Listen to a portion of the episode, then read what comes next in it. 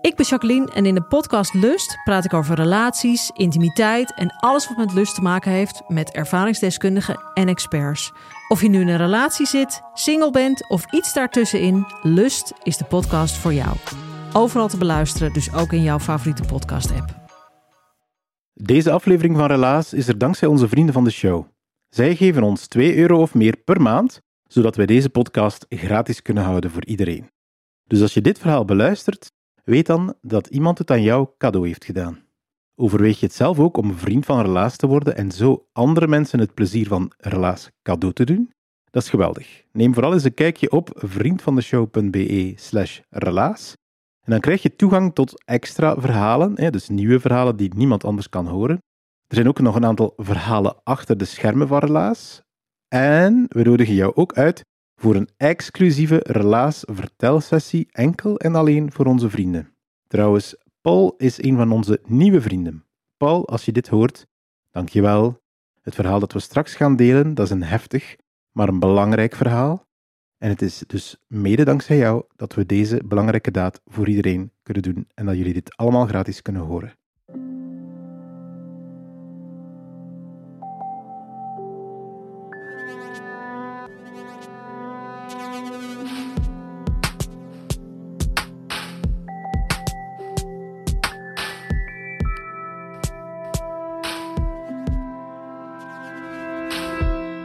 Ik ben Pieter van Relaas. In Relaas vertellen mensen waar gebeurde verhalen die ze zelf hebben meegemaakt. Kaatje die maakt dingen mee die ze liever niet navertelt, maar haar rechtvaardigheidsgevoel is soms nog sterker dan haar eigen zelfbescherming. En het is belangrijk dat wij dat verhaal van Kaatje vandaag met jullie kunnen delen, maar het maakt het daarom niet minder heftig. Dus bij deze ook een korte waarschuwing: het verhaal dat je gaat horen is nogal grafisch. Kaatje heeft het verteld onder de stadshal in Gent. Het was op een nacht waarop we allemaal buiten hebben geslapen onder de stadshal uit solidariteit voor mensen die dat elke dag moeten doen.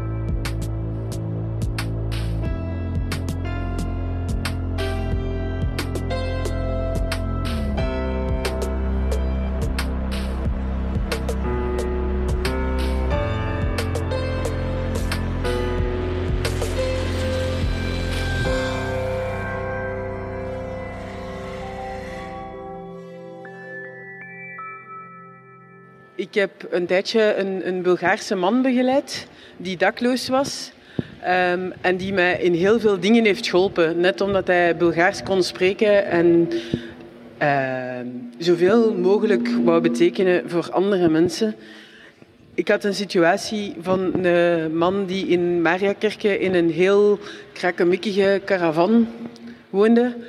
Uh, en ik had eigenlijk een afspraak voor die man gemaakt bij de Fontein. De Fontein dat is het huis van hygiëne van de Broeders van Liefde op het Van Beverenplein. En mensen kunnen zich daar wassen en hun kleren wassen.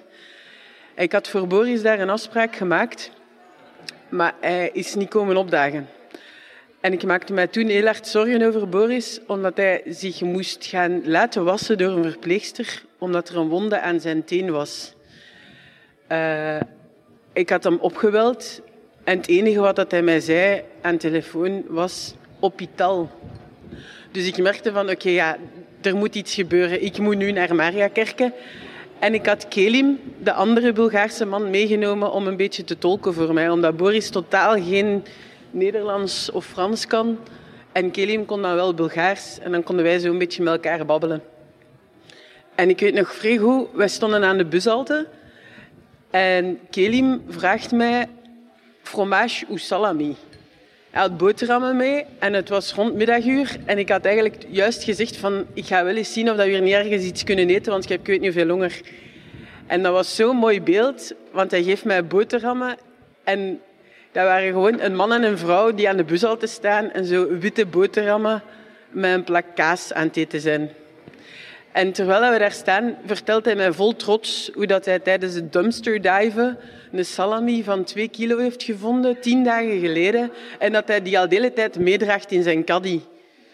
En ik had een boterham met salami gevraagd en ik had het mij direct beklaagd, want ik was echt zo... Oh nee. Maar bon, er zat cellofaanpapier rond die boterham. En dat is gelukkig het kenmerk van de boterhammen van Huizen Triest van de nachtopvang. Dus ik was safe Uh, en we wandelen naar de caravan en Kelim zit mij Bulgaarse woorden te leren. Hij zegt mij kushti, dat zijn huizen. Een slunchové is zonneschijn. En ik zeg hem dan de Nederlandse taal. En zo leren we elkaars woorden. En als dat niet lukt, dan zitten we echt met handen en voeten en, en konten en weet ik veel wat allemaal het aan elkaar uit te beelden. En we komen aan de caravan van Boris. En um, Kelim roept iets. Ik versta het niet, maar Boris komt naar buiten geschuifeld en die zit met een krakkemikkige wandelstok en een vuil hemd rond zijn voet gebonden. En hij gaat terug naar de caravan en wij schuifelen daar zo wat achter. En hij zet zich op bed en hij zegt nog eens hopital. En ik wil binnenstappen om naar zijn voet te kunnen kijken, maar ik word direct teruggeduwd door een enorme stank dat uit die caravan mij tegemoet komt. Een geur van zure yoghurt en, en, en slechte preparé en natte kleren en, en heel oud zweet. Dus ik blijf buiten staan. En het enige dat Boris zegt is hopital. Ik denk van ja, we moeten iets doen. Die mens zit daar met drie vliespullen, die zit te rillen, we moeten iets doen. Dus ik bel een ambulance. En ik ga op straat staan, want zijn adres is zodanig onbestaande dat de ambulance dat nooit had gevonden. En die mannen stappen uit en die fronsen terwijl ze uitstappen en die fronsen terwijl ze de caravan walgen binnenstappen en die fronsen terwijl ze Boris daar zien zitten, die aan het zweten en aan het trillen is. En Kelim vertaalt van het Bulgaars naar het Frans en ik vertaal van het gebroken Frans naar het Nederlands. En een van die ambulanciers zegt, ja, madame, koorts, dat is niks voor een ziekenhuis. Hè? Totdat zijn collega dat vuil hemd van rond die voet haalt. En ik kijk naar die voet en die voet is... Er is geen scheiding meer tussen die tenen, omdat dat zodanig opgezwollen is. Dat is een homp of een klomp. Ik weet niet hoe dat ik het moet beschrijven. En er komt pus uit al die teennagels. Dat ziet er verschrikkelijk uit. Dus opeens zeggen die ambulanciers van ja, oké, deze is dus wel iets voor een ziekenhuis. En ze ondersteunen hem. En ik ga achteruit, zodat ze uit de caravan kunnen komen. En je kent dat zo, als je vrij gedegoteerd bent, is er toch altijd een kracht die je daar naartoe trekt om toch te kijken. En ik kijk naar die voet en ik zie dat die voet beweegt. Maar niet omdat hij die voet beweegt, omdat er daar maden in zitten te krioelen in die voet. Dus ik word gans slecht en ik denk van ja, chance dat ik geen ambulancier ben, want ik zou deze niet kunnen. En wij mogen mee met de ambulance. Ergens een chance, want anders moesten we met de bus naar het ziekenhuis. Maar er is ook geen chance, want die, die geur hangt overal en je begint dat ook een beetje te smaken. We komen toe in dat ziekenhuis en Boris krijgt via de iPad, omdat er geen tolk aanwezig is, krijgt hij via de iPad te horen dat zijn been geamputeerd moet worden en dat hij een bloedvergiftiging heeft opgelopen. En een bloedvergiftiging, dat betekent eigenlijk dat je binnen een paar uur dood kunt zijn. Je lichaam vergiftigt zichzelf en het kan vrij snel gedaan zijn. Dus die dokter zegt, ja, ja, we moeten nu opereren, het is nu de moment. En Boris zegt, nee, hij, zegt, geeft aan dat hij zijn caravan niet wil verliezen. Hij gelooft niet dat als hij uit zijn operatie komt, dat zijn caravan er nog gaat staan. En hij wil niet alles terug kwijt zijn. Hij wil niet terug op straat staan. Hij heeft nu geen tijd te verliezen. En hij woont niet naar de fontein, omdat hij bang is dat ze zijn caravan gaan komen afpakken terwijl dat hij weg is. Dus die man zat daar al dagen gewoon zijn rommelige, kut kapotte caravan te bewaken. En ik sta daar redelijk machteloos tegenover van, ja, hij wil niet, ik ga hem dat ook niet opdringen. Dus ik ga naar buiten en Kelim staat een, eh, een sigaret te, eh, te roken. Ik verzamel die voor hem. Ik vind belachelijk vaak sigaretten om de een of andere reden. En ik steek die dan allemaal in mijn zonnebrildoosje en ik geef die aan mijn gasten, zodat ze, zodat ze kunnen roken. Ik rook zelf niet. Hij staat een sigaret te roken. En hij zegt, ah ja, uh, qu'est-ce qu'il se passe? Ik zeg, ah, amputation, jambe. Hij zegt, ah oui, krr. En hij doet het geluid van de maden na, die in zijn been aan het krioelen waren. En ik zeg, il ne veut pas. En Kelim schiet in een colère en die loopt naar binnen en die begint in Bulgaars van alles tegen Boris te zeggen waar ik niks van begrijp. En die verpleegsters en die dokters ook zo, oké, ja, uh, ça va. Dat is een cultuurverschil waarschijnlijk. En ik sta naast Boris en hij grijpt mijn hand vast, omdat hij iets van hou vast zoekt.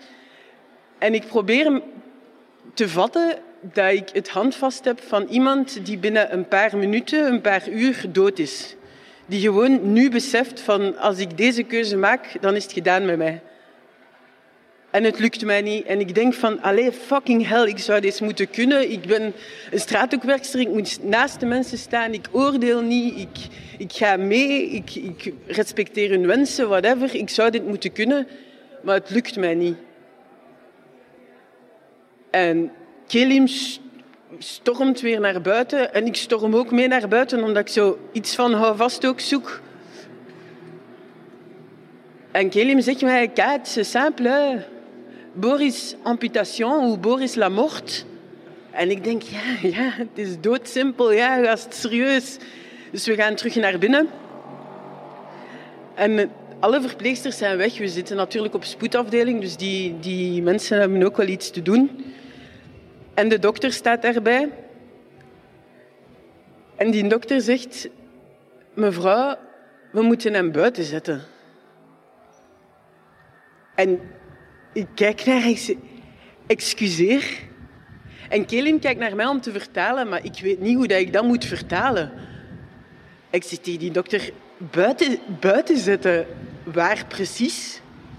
alsof dat de locatie ertoe doet, maar gewoon om dat zo weer te kunnen begrijpen van wat de fuck zei je mij nu eigenlijk aan het zeggen? Hij zegt van buiten aan de uitgang of wat, zodat je hem binnen een uur kunt binnenhalen om een verdieping lager te leggen.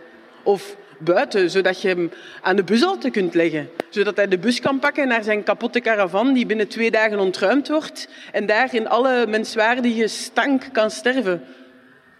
En die dokter kijkt naar mij en zegt, mevrouw, dat is hier een ziekenhuis. Die mens weigert medische hulp. Wij gaan dat respecteren, maar dan is er hier voor hem geen plaats meer. Ik kan als dokter niks doen. En ik antwoord, en als mens? En opeens besef ik van, op zich staan wij niet tegenover elkaar. We zijn allebei onze job aan het doen, maar we zijn allebei keihard tegen de grenzen van een klote systeem aan het aanbotsen. Want we zijn niet tot de kern aan het komen met die mens. En we zijn al het wantrouwen dat hij al heeft ten aanzien van de samenleving en ten aanzien van het systeem en weet ik veel wat, gewoon nog aan het vergroten. Want die heeft net via een iPad gehoord dat zijn been moet afgezet worden. Die heeft net begrepen dat hij alles gaat verliezen. Zijn been, zijn caravan, whatever. En die heeft zodanige schrik voor wat er gaat komen, dat hij bereid is om te sterven, omdat hij dan tenminste die zekerheid en die rust heeft. Ik ga, ik ga naar buiten en ik bel naar mijn coach, Steven, die mee aan de, uh, hoe zeg je dat, aan de kribbe stond van Enchanté. En we kijken samen hoe dat we Boris dan toch op een menselijke manier kunnen laten gaan. Dat hij niet in zijn caravan moet overlijden, maar dat hij effectief een plek heeft om in alle rust te overlijden als hij dat echt niet wilt, als hij die operatie echt niet wilt.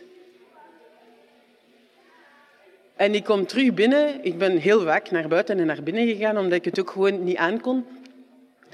En ik merk al dat ik die smaak niet meer heb in mijn mond. Dat je er zo al zelfs de dood en de geur van dood bent.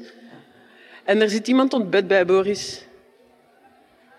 En dat is een verpleger zonder mondmasker die vloeiend Bulgaars spreekt. En die is Boris aan het uitleggen dat hij niet kan garanderen dat hij zijn caravan doffies gaat terug hebben, maar dat hij wel kan garanderen dat Boris geholpen gaat worden, dat zijn ringen niet gestolen gaan worden, zoals dat in een Bulgaars hospitaal wel is gebeurd na een operatie.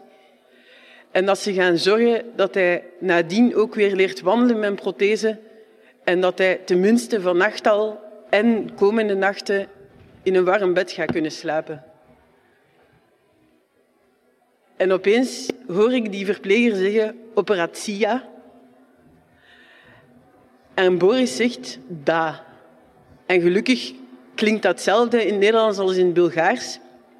En we zitten allemaal rond dat bed. En ik kijk naar Kelim. En hij spreekt geen Nederlands. En ik spreek geen Bulgaars. Ondertussen wel, ik ben aan het leren in avondschool. Maar we begrijpen elkaar zonder woorden. En we beseffen heel goed dat we door onze woede en onmacht een mensleven hebben gered.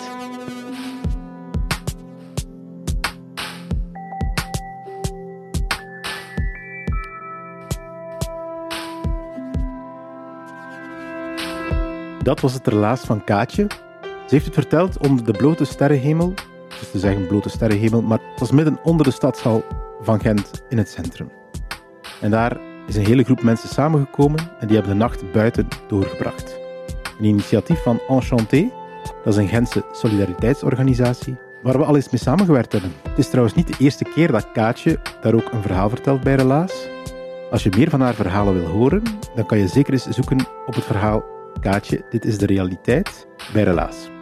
Even mooi verteld, even belangrijk. Wij zijn Relaas. Wij zoeken waar gebeurde verhalen en wij helpen mensen om die live op een podium te vertellen. Wij kunnen dat doen dankzij de steun van de afdeling cultuur van de stad Gent, dankzij een hele groep vrijwilligers die zich inzetten om onze verhalen te spotten, om die te coachen, om die op een podium te brengen, ze op te nemen en jullie als podcast te geven. En dankzij onze vrienden van de show. Die helpen ons om de verhalen gratis te houden voor iedereen. We hebben echt nog meer vrienden nodig om op lange termijn te kunnen overleven. Echt waar. Dus overweeg het om ons te steunen vandaag nog via vriendvandeshow.be slash relaas.